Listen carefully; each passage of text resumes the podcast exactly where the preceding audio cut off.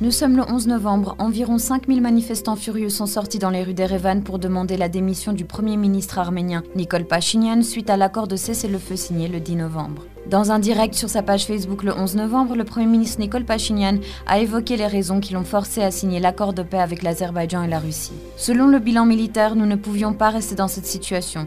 Une situation où Stepanakert était sans défense si les hostilités se poursuivaient. Il y avait une très forte probabilité que Stepanakert, Martuni et Askeran soient capturés, après quoi nos 3e, 4e, 5e, 6e districts de défense auraient été assiégés des milliers de soldats attaqués, a-t-il expliqué. Cela aurait mené en conséquence à la chute complète de l'Artsar. Selon Pachinian, Stepanakert était directement menacé. Le bilan de l'état-major général des forces armées d'Artsar rapportait que Stepanakert était très faiblement défendu ou symboliquement protégé. Son occupation aurait signifié la perte des territoires restants qui sont à ce jour sous contrôle arménien. Suite aux violences dans la capitale d'Erevan et les vandalismes dans l'Assemblée nationale par des manifestants furieux de la décision de l'accord de cesser le feu, le service de sécurité nationale a arrêté une vingtaine de personnes au motif qu'elles étaient directement soupçonnées d'avoir commis un crime organisé pour vandalisme, destruction de biens, émeute et pour violence organisée. Le service national de sécurité appelle au respect des exigences du régime juridique de la loi martiale, à une autre responsabilité civile, à ne pas céder aux provocations, à s'abstenir de subordonner des intérêts personnels ou partisans étroits à l'intérêt public,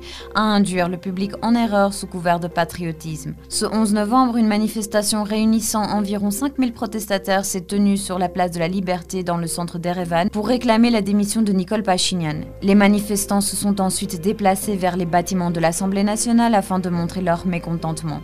Le président turc Recep Tayyip Erdogan a déclaré que son pays, comme la Russie, avait le droit de participer au règlement du conflit du Haut-Karabakh, a rapporté l'agence de presse RIA Novosti. Selon lui, le groupe de Minsk de l'OSCE, en charge de la résolution du conflit depuis les années 1990, n'a pas obtenu de résultats dans le règlement de la crise du Karabakh. Nous continuons à travailler avec la Russie sur la question de la Syrie et de la Libye. J'espère que nous pourrons prendre les bonnes mesures dans la question du Karabakh. Nous allons enfin résoudre ce problème, a déclaré le dirigeant turc. Suite à ces propos, la représentation représentante officielle du ministère russe des Affaires étrangères Maria Zakharova a déclaré que seuls les contingents du maintien de la paix russe seront déployés le long de la ligne de contact du Haut-Karabakh.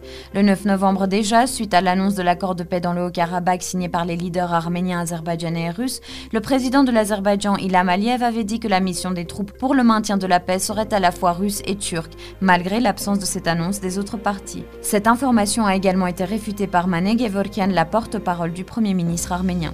Après l'annonce de l'accord de cessation des hostilités, Jean-Yves Le Drian, le ministre français des Affaires étrangères, a déclaré que la France en analysait les paramètres et les implications. Nous attendons donc que les engagements pris par l'Azerbaïdjan soient strictement respectés et que son offensive cesse immédiatement. Nous demandons dans ce contexte à la Turquie de ne rien faire qui aille contre cet objectif prioritaire, peut-on lire dans la déclaration. Le Drian a ajouté que la relance d'une négociation entre les parties sur un règlement durable du conflit reste nécessaire au-delà de l'accord de cessez-le-feu. Des discussions entre les deux parties doivent reprendre sans tarder. Elles devront notamment permettre le retour des personnes déplacées dans le conflit ces dernières semaines et la définition du statut futur du Haut-Karabakh. La France a envoyé de l'aide humanitaire à Erevan, notamment des équipes de chirurgiens spécialisés pour les victimes liées à des conflits. Selon le ministre, d'autres initiatives seront prises dans les prochains jours pour apporter à l'Arménie l'aide qui lui sera nécessaire. Le président de la République islamique d'Iran, Hassan Rouhani, s'est félicité de l'adoption de la déclaration sur la cessation des hostilités dans le Haut-Karabakh. Compte tenu de nos nombreuses similitudes historiques avec les peuples de la région, la République islamique d'Iran exprime sa satisfaction de la décision des dirigeants des deux pays de mettre fin au conflit militaire et d'entamer le processus de règlement diplomatique, a noté le président iranien. Hassan Rouhani a exprimé l'espoir que les deux pays régleront leurs différends pacifiquement dans le cadre du droit international. Annie Paitian pour CivilNet.